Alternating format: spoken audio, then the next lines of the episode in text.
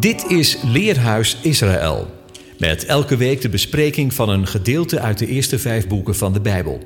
De presentator van deze week is Anko van Molenbroek.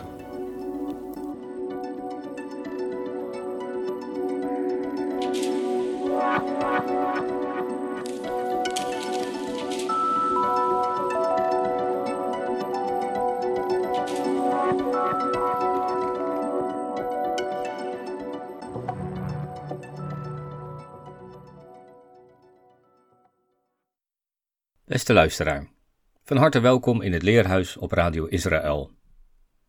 Het is vaak in de woestijntijden van ons leven dat God tot onze harten spreekt. Eigenlijk is heel ons leven een woestijntijd. En in de woestijn spreekt de Eeuwige. Het boek Numeri heet in het Hebreeuws Bemidbar, in de woestijn of in de wildernis. En zo heet ook de parasha van deze week. We maken daarom een begin met het boek Bemidbar, Numeri. De Midbar is een woestijn of wildernis. Het is een plek waar men het vee heen drijft en deze plek kent ook plantengroei. Het is vooral te omschrijven als onbewoond gebied. Je kunt er overleven, maar een pretje is het niet. De woestijn staat tussen Egypte en het beloofde land in. Het is de voorbereiding op het leven in het beloofde land. Het volk Israël was vreemdeling geweest in Egypte, maar ook in de woestijn waren ze nog niet thuis. De stam van het woord Midbar is Dabar. Dabar heeft een rijke betekenis: spreken, verklaren, bevelen, beloven, waarschuwen. En letterlijk betekent dabar het ordenen of arrangeren van woorden. Het kan ook de notie hebben van voortdrijven of aansporen. Er is ook een ander verband tussen spreken en de woestijn. De midbar is de plek waar het vee naartoe gedreven wordt. En zo drijft ook het spreken voort. Door de wereld gaat een woord en het drijft de mensen voort, zijn de regels van een oud lied. Gedreven naar een plaats van Gods orde, naar de rustplaats. Zoals heel de natuur streeft naar evenwicht, zo creëert Dabar orde in de chaos. Dus als God spreekt in de woestijn, dan schept hij orde. De woestijn kun je dus zien als een plaats van chaos, van wanorde. En wij mensen kunnen niet leven in chaos. En hier ontdekken we een diepere betekenis van de stem in de woestijn. De midbar is de plek waar we door de stem voortgedreven worden om voedsel en water te vinden. Naar de plaats van rust. Lees Psalm 23 maar eens. Hoor je dan de stem van de goede herder? De eerste letter van het woord midbar is de mem. De mem betekent ook water. Water stroomt, zoals de tijd verstrijkt. En water en de tijd horen daarom ook bij elkaar. De woestijn is dus de plek waar het woord in de tijd klinkt waar het woord in het leven van de mens een plaats krijgt. De woestijn is het beeld van een mensenleven waarin het woord concreet wordt als het wordt gedaan. Woord en daad horen immers bij elkaar. En als het woord wordt beantwoord, dan is het woord als water in de woestijn, verfrissend en geestverruimend. Dus wat leert de Torah ons nu over de midbar? Dat God daar spreekt en dat we daar God ontmoeten.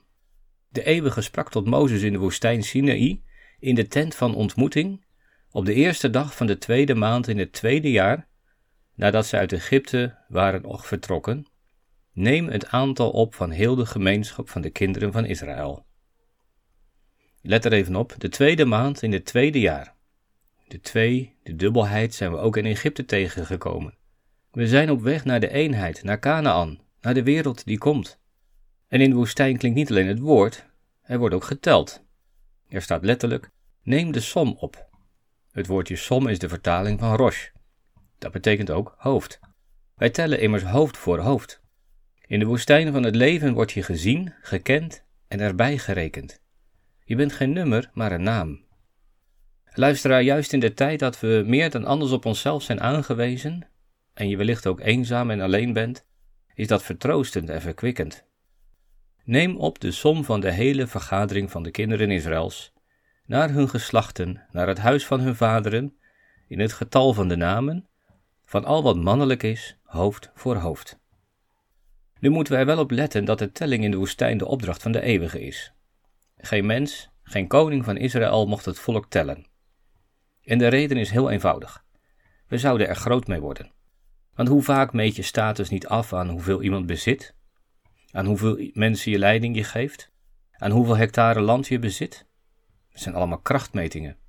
Maar als God telt, dan gaat het niet om zijn eigen grootheid te bevestigen. Nee, dan is dat opdat wij weten dat we erbij mogen horen. Dat God ons niet over het hoofd ziet. De Haftara-lezing van deze week is uit Hosea 1 vanaf vers 10 tot 2 vers 19. En in de Hebreeuwse Bijbel is dat Hosea 2. En deze lezing begint als volgt. Toch zal het aantal Israëlieten zijn als het zand van de zee, dat niet gemeten en niet geteld kan worden. Als persoon word je erbij gerekend. Het totaal is ontelbaar. En dat is het thema van dit onderwijs. Ontelbare getelden. Ik werk dat thema weer uit in drie delen. Het eerste is ontelbaar als de sterren aan de hemel. Het tweede ontelbaar als het zand aan de zee. In het derde punt getelden in de schade die niemand tellen kan.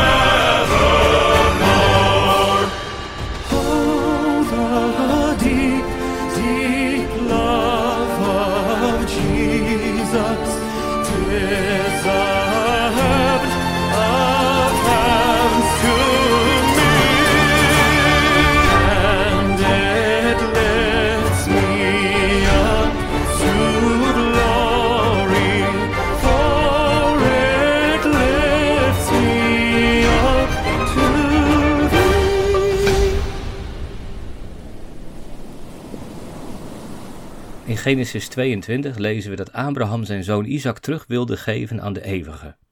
Hij was gehoorzaam aan de stem van de aanwezige.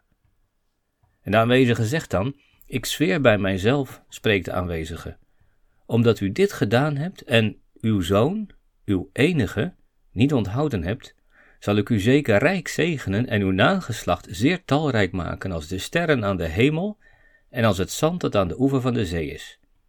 Uw nageslacht zal de poort van zijn vijanden in bezit hebben, en in uw nageslacht zullen alle volken van de aarde gezegend worden, omdat u mijn stem gehoorzaam geweest bent.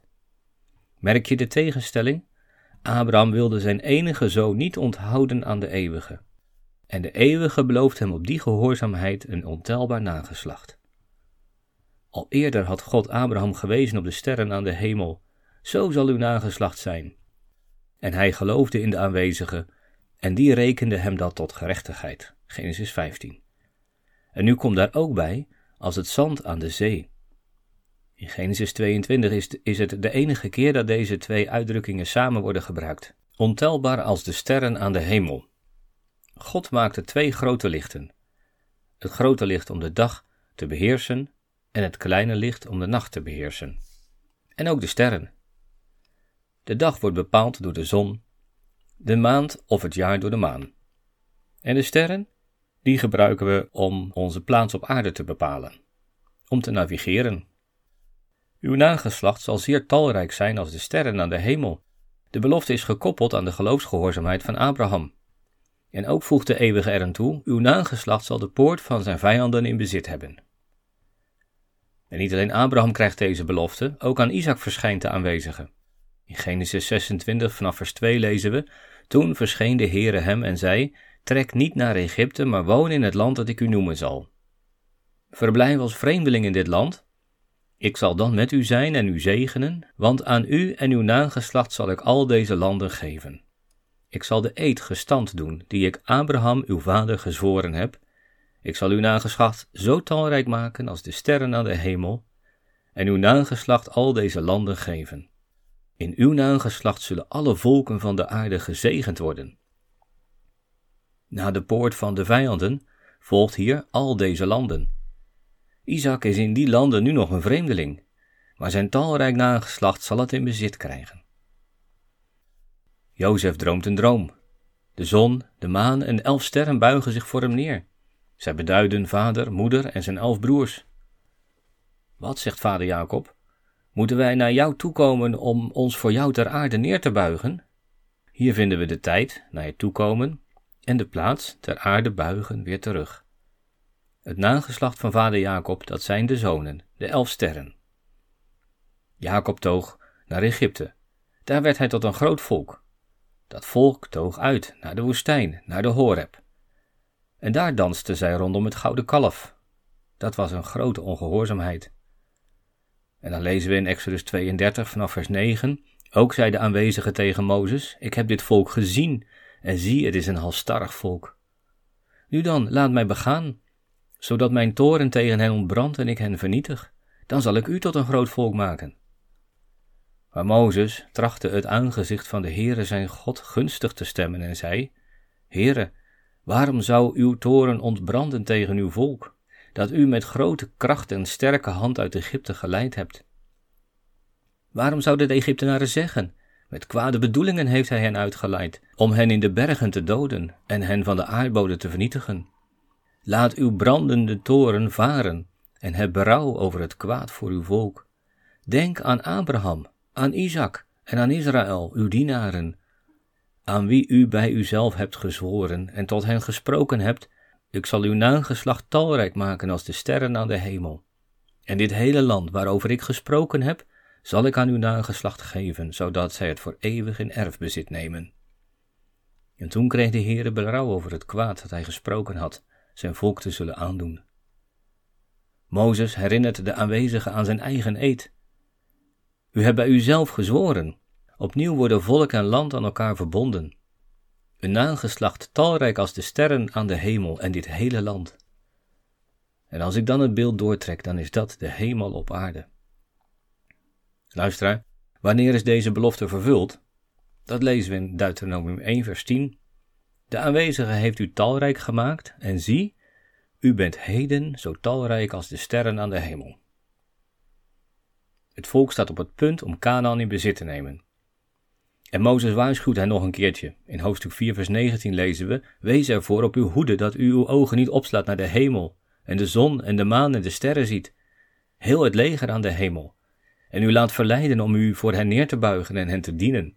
De Heere uw God heeft hen aan al de volken onder de hemel toebedeeld. Israël mag de zon, de maan en de sterren niet als goden vereren. De sterren worden hier het leger van de hemel genoemd. God heeft hen aan al de volken onder de hele aarde toebedeeld. Dat wijst op de engelvorsten die de volken leiden. Ze worden ook sterren genoemd. Israël staat op gelijke hoogte met hen. Sterren zijn plaatsbepalers. Sterren leiden de mensen en de volken. En zo dient ook Israël als eerstgeborene van de volken de volken voor te gaan, tot een licht van de wereld te zijn. En nog twee keer lezen we in Deuteronomium over de sterren aan de hemel. In 10 vers 22 herinnert Mozes het volk eraan dat zij van 70 mensen geworden zijn zo talrijk als de sterren aan de hemel. Maar in 28 vers 62 lezen we, nu het omgekeerde, van talrijk naar een overblijfsel. U zult met weinig mensen overblijven, terwijl u zo talrijk was als de sterren aan de hemel, omdat u de stem van de aanwezige, uw God, niet gehoorzaam geweest bent. Sterren ziet op regeren. Dat is het recht van de eerstgeborene. Dat is ook het opdracht. Is deze eerstgeborene gehoorzaam, dan is een talrijk nageslacht het resultaat. En omgekeerd. Koning David, de jongste in het gezin, maar hij hoorde tot de koningsstam Juda. En in 1 Kronieken 27 vers 23 lezen we wie de hoofden zijn van de stammen van Israël. David nam echter het aantal van hen die twintig jaar oud en daar beneden waren niet op, omdat de aanwezige gezegd had dat hij Israël zo talrijk zou maken als de sterren aan de hemel. Maar ook degene van boven de twintig had hij niet mogen tellen. Joab was met grote tegenzin met tellen begonnen, maar hij voltooide dat niet, omdat er een grote toren over Israël gekomen was. De pest waarde rond door het land, en zeventigduizend mensen stierven. Die worden wel geteld. Als we ongehoorzaam zijn, dan worden de doden geteld. In, in onze dagen van corona blijkt dat ook maar weer. De verderving die het land doortrok was staande gehouden bij de dorsvloer van Ornan. Omdat de aanwezige het verderf zag en er berouw over kreeg. Waarom? Omdat die dorsvloer ook de plek was waar hij zijn eet aan Abraham deed. Op deze plek deed David de voorbereidingen voor het bouw van het huis van God. Als Juda weer terugkeert uit Babel en in het land komt, dan herinnert Nehemia de eeuwige opnieuw aan de eed. Hun kinderen hebt u talrijk gemaakt als de sterren aan de hemel. U hebt hen naar het land gebracht waarvan u tegen hun vader had gezegd dat zij het binnen zouden gaan om het in bezit te nemen. In openbaringen houdt Yeshua zeven sterren in zijn rechterhand. De zeven sterren zijn de zeven engelen van de zeven gemeenten. Ze zijn de voorgangers van de gemeente, geroepen om te regeren. Daarom zijn er zelfs uit één man, en dat uit iemand wiens kracht al gestorven was, zoveel geboren als de sterren van de hemel in menigte, en als het zand op het strand aan de zee, dat niet te tellen is, zegt Hebreeën 11, vers 12. En zo gaan we naar het tweede punt, ontelbaar als het zand aan de zee.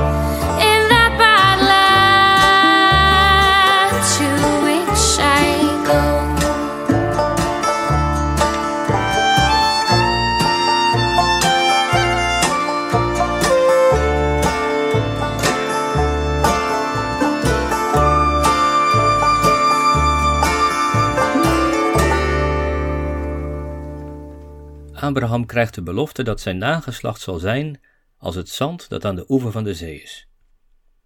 De eerstvolgende keer dat God aan deze belofte wordt herinnerd, is als Jacob terugkeert uit Haran en bij de grens van Canaan komt. Hij hoort dat Esau naar hem op weg is. En dan zegt Jacob: Red mij toch uit de hand van mijn broer, uit de hand van Esau.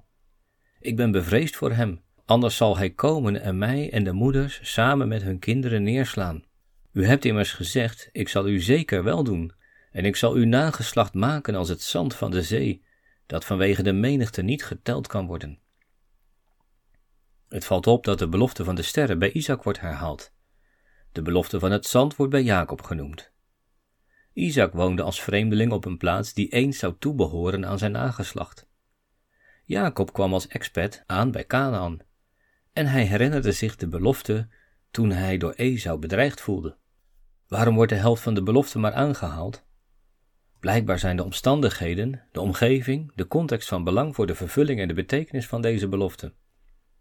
En daarom is die volgende tekst een hele belangrijke, Genesis 41, vers 49. Een zevenjarige hongersnood is aanstaande in Egypte. Jozef is onderkoning en heeft het beheer over de voedselvoorraad. Hij koopt steeds 20% van het koren op. En dan staat er: Jozef sloeg zeer veel koren op, als het zand van de zee, totdat men ophield met tellen, want er was geen tellen aan. Het zand aan de zee staat gelijk aan het koren dat Jozef inzamelt. In Egypte, dat is in de ballingschap. Direct daarop lezen we in Genesis 41 dat Jozef twee zonen krijgt: Manasse. God heeft mij al mijn moeite en mijn hele familie doen vergeten. En de tweede gaf hij de naam Ephraim, want God heeft mij vruchtbaar doen worden in het land van mijn verdrukking. Zagen we in het eerste punt het koningsdeel van het eerstgeboorterecht, nu komen we bij de dubbele zegen van de eerstgeborene. Die zou bij Ephraim terechtkomen. In Jozua en Richteren lezen we dat ook de vijanden zo talrijk zijn als het zand aan de oever van de zee. Zij bedreigen het volk in Canaan. En Midian en Amalek en al de mensen van het oosten lagen in een dal, zo talrijk als sprinkhanen. En hun kamelen waren ontelbaar, zo talrijk als zand aan de oever van de zee. Kamelen, dat zijn de schepen van de woestijn. De derde letter, Gimel, is ook een pictogram van een kamelenvoet. En deze letter telt drie. Op het niveau van de tientallen is de dertig de letter Lamet. De prikstok die ons aanspoort. En deze letter houdt ook verband met onderwijzen. De relatie tussen kamelen en zand is dus niet zo vreemd. De vijanden worden overwonnen door dat geroosterde gerstebrood van Gideon. Dat zag tenminste een man in het leger van Gideon in een droom. En weer zien we die verbinding tussen zand en koren waar het brood van is gemaakt. En de ontelbare hoeveelheid vijanden worden verslagen door de drie keer honderd man van Gideon. En dan naar 2 Samuel 17, vers 11. Daar lezen we de raad van Husai aan Absalom. Absalom heeft een staatsgreep gepleegd en hij vraagt zijn adviseurs hoe hij zijn vader het beste aan kan pakken. Husai zegt dan: Daarom geef ik als raad: laat met spoed heel Israël, van Dan tot Berzeba, zo talrijk als het zand aan de zee, bij u verzameld worden, en ga zelf mee in de strijd. De raad van Husai is om eerst iedereen te verzamelen en dan pas zijn vader na te jagen. Deze raad was echter juist bedoeld om David te laten ontsnappen. Het zou immers lang duren voordat iedereen gereed was voor de strijd. Husai is slim als hij de belofte van de eeuwige over het zand aan de zee aanhaalt. Dan trekt hij Absalom over de streep. Ja, dit is een krachtmeting. Alleen wie aanziet wat voor ogen is, die maakt een verkeerde rekensom. Zand heeft dus te maken met vijanden, met strijd, met koren en het verjagen van Israël uit Canaan. En zo komen we aan bij Salomo de vredevorst. In 1 Koningen 4 vers 20 lezen we dan, Juda en Israël waren velen, zo talrijk als zand aan de zee. Ze aten en dronken en waren blij. God gaf Salomo wijsheid, zeer veel inzicht en een groot hart, dat is verstand, als het zand dat aan de oever van de zee is. En uit alle volken kwamen er om naar de wijsheid van Salomo te luisteren, van alle koningen der aarde die van zijn wijsheid gehoord hadden. Zand heeft ook te maken met het leven buiten het beloofde land. Zand houdt verband met de volken, want de zee is het beeld van de volken. Zo spreken wij er ook nog over, een zee van mensen. En wie in die massa de chaos wil overleven, heeft veel wijsheid nodig. Wijsheid is het kiezen van het beste middel voor het beste doel. Zand is de vertaling van het Hebreeuwse woord gol, get, waf, lamet. De waf is de haak, de verbinding tussen de get, het hek, en de lamet, de prikstok. Een hek scheidt binnen van buiten. Het omgrenst. En, het prikstok, en de prikstok is het beeld van het voortgaan in, het, in de wereld. Van onderwijzen en van een juk. Gol kun je omschrijven als het leven in de wereld, dus buiten het paradijs, buiten Canaan, leven in ballingschap. Laat ik het nog even samenvatten. Zand houdt verband met de vijanden buiten en binnen het beloofde land. Zand is als het koren dat Jozef in de wereld verzamelt. Zand is als de kamelen die ons door de wereld brengen. Zand is als de wijsheid van Salomo die vrede en welvaart aan de wereld geeft. Luisteraar, de studie van de schrift is de hoogste vorm van aanbidding. Op het eerste gezicht zijn het mooie uitdrukkingen van een ontelbare hoeveelheid, sterren aan de hemel en zand aan de zee. Maar nu we dieper hebben gegraven, hebben we ook meer inzicht gekregen in de werkelijke betekenissen. Sterren aan de hemel en zand aan de zee, de hemel en de aarde. Juda is het hemelse deel, Jozef het aardse. Juda typeert het geestelijke deel, Jozef het lichaam. Juda heeft het koningsdeel, Jozef de dubbele vrucht. En met dat laatste begrijpen we ook de link tussen het zand en de koren in de schuren van Jozef. Het huis van Jozef is gezaaid onder de volken. En Yeshua zegt: als het tarwegraan niet sterft, dan kan het geen vrucht voortbrengen. Juda legert aan de oostkant van de tabernakel, daar waar de zon opkomt, dus de kant van de morgen. Jozef levert, legert aan de westkant, dat is de kant van de zee, de kant van de avond en van het avondland. En het avondland is de plaats buiten het beloofde land. We kennen de Messias ben David en de Messias ben Jozef. Jozef onderhoudt zijn familie in ballingschap. En het is de taak van de Messias ben Jozef om de ballingen thuis te brengen. Eens trok een zoon van zijn vader de wereld in. Hij leefde overdadig en vergat het huis van zijn vader, totdat alles op was en hij bij zinnen kwam. Als een zwerver ging hij huiswaarts. Beter een slaaf bij zijn vader dan een banneling in de wereld. Groot was zijn verrassing toen hij bemerkte dat zijn vader al die tijd rekening met hem had gehouden. Dat gaan we zien in het derde deel. Ontelbare getelden.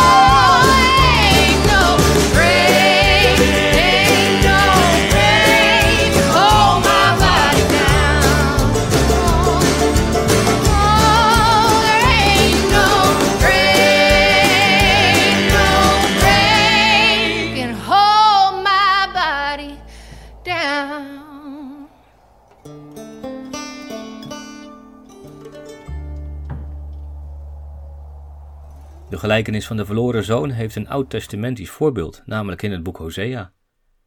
Geen verloren zoon, maar een overspelige vrouw. Geen vader op de uitkijk, maar een trouwe echtgenoot. De belofte van een ontelbaar nageslacht is gekoppeld aan geloofsgehoorzaamheid. Ongehoorzaamheid resulteert in een overblijfsel, zo hebben we gezien. En ook dat is een les voor ieder van ons. Gehoorzaamheid uit geloof en vruchtbaar zijn zijn als het ware communicerende vaten. Vult ons leven zich met geloof, dan worden we ook gezegend om tot zegen te zijn. Nee, gehoorzaamheid is geen verdienmodel. Zo van hoe meer gehoorzaam, hoe meer zegen ik krijg. Dat is een grote misvatting. Al te gemakkelijk zien we zegen als iets wat we krijgen van God. Maar het is andersom. Zegen is wat wij geven. Hoe meer geloof, hoe meer gehoorzaamheid, hoe meer we kunnen zegenen. Wat is de kern van de wet? Heb God lief boven alles en je naaste als jezelf. En daarom is het zaliger te geven dan te ontvangen. Het volk Israël is daarvan het voorbeeld. Hoe gehoorzamer, hoe groter, hoe meer tot zegen is in de wereld. En nu lezen we in de Haftara, Hosea 1 vers 10, Toch zal het aantal Israëlieten zijn als het zand aan de zee, dat niet gemeten en niet geteld kan worden. En het zal gebeuren dat in de plaats waar tegen hen gezegd is, u bent niet mijn volk, tegen hen gezegd zal worden, kinderen van de levende God. Dan zullen de Judeërs bijeengebracht worden samen met de Israëlieten. En zij zullen voor zich één hoofd aanstellen en uit het land oprukken, want groot zal de dag van Jezreel zijn. Zeg tegen uw broeders Ami, en tegen uw zusters Rugama. Luisteraar, dit is het beeld van de toekomst. Zoals eens de tweede generatie Israëlieten aan de poort van Canaan stond, heden bent u talrijk als de sterren aan de hemel, zo zal ook een nieuwe generatie uit Juda en Israël klaarstaan om uit het land op te rukken, zo talrijk als het zand aan de zee, om erop uit te trekken. Maar nu vallen we eigenlijk midden in het hoofdstuk binnen. Want wat gaat er aan vooraf? De profeet Hosea moet een vrouw van lichte zeden trouwen. Ze heet Gomer, dat betekent compleet. Kamar is het werkwoord voltooien. En Gomer is de dochter van Diblain. Dat is een meervoud en betekent twee vijgenkoekjes.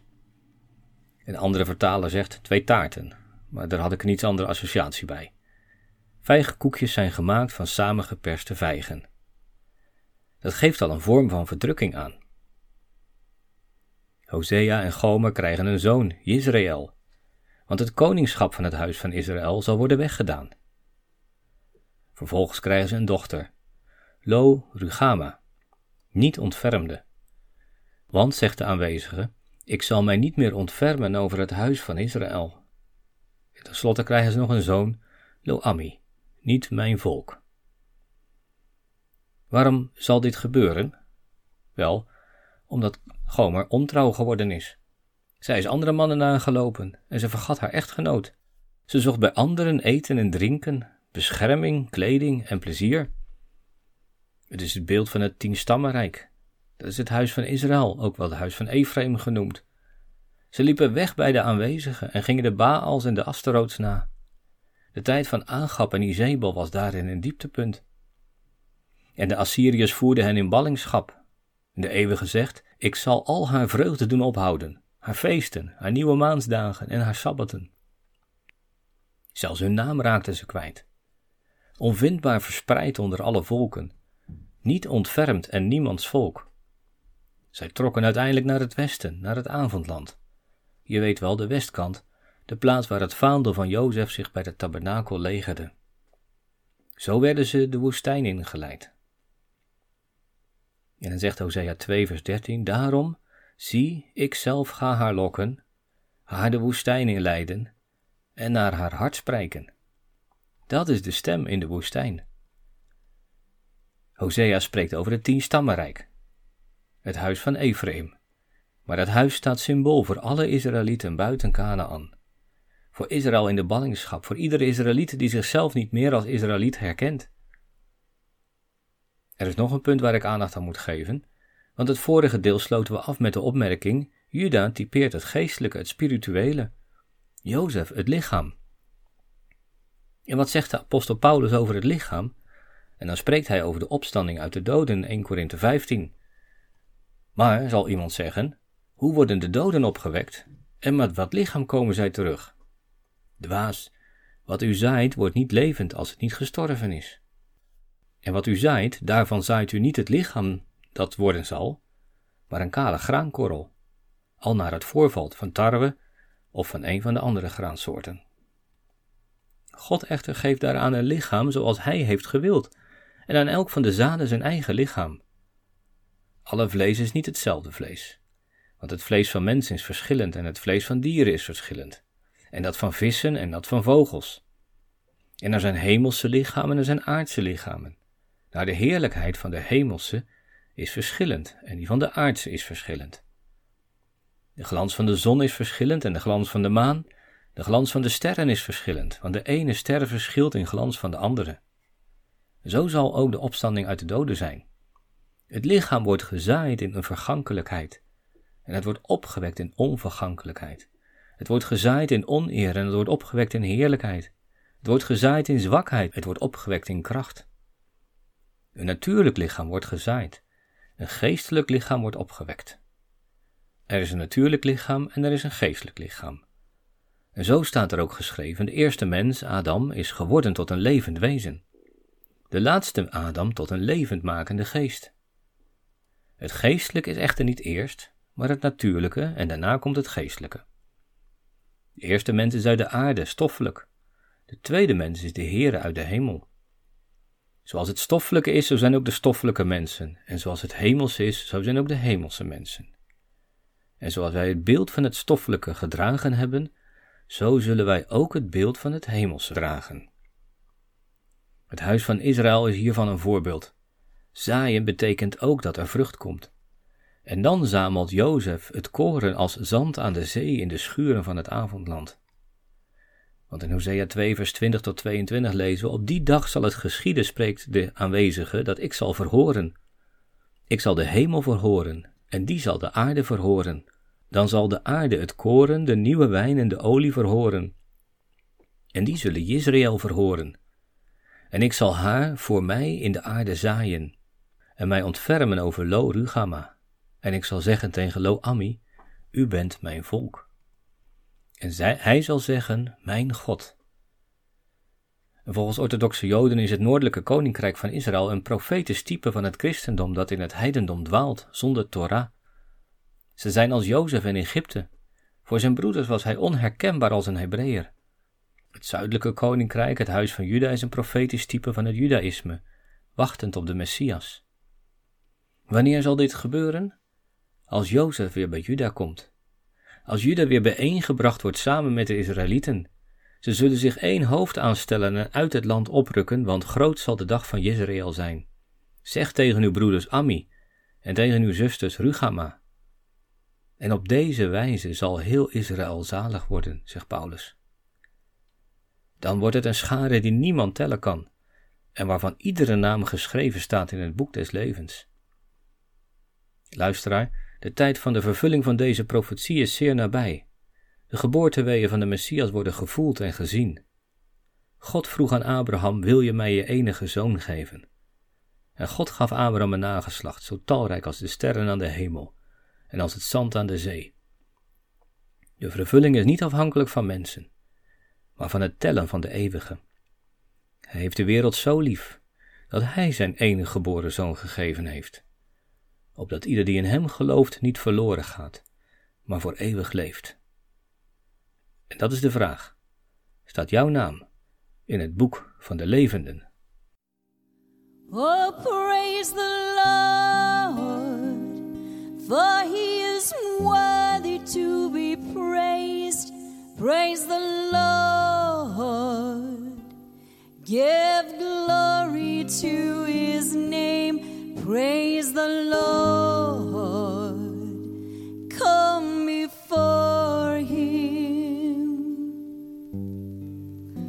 Sing to him with a new song.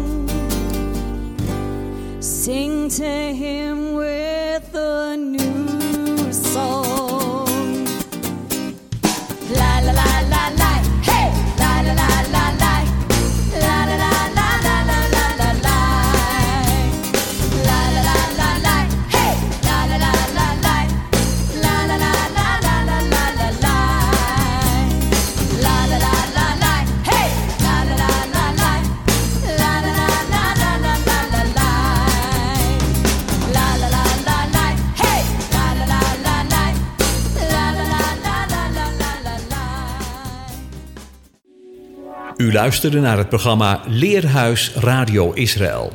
Een wekelijkse studie aan de hand van de Bijbelgedeelten die wekelijks door de Joodse gemeenschap worden gelezen. Heeft u een vraag of opmerking? Stuur dan een e-mail naar info-apenstaatje radioisrael.nl. Het leesrooster vindt u op onze website.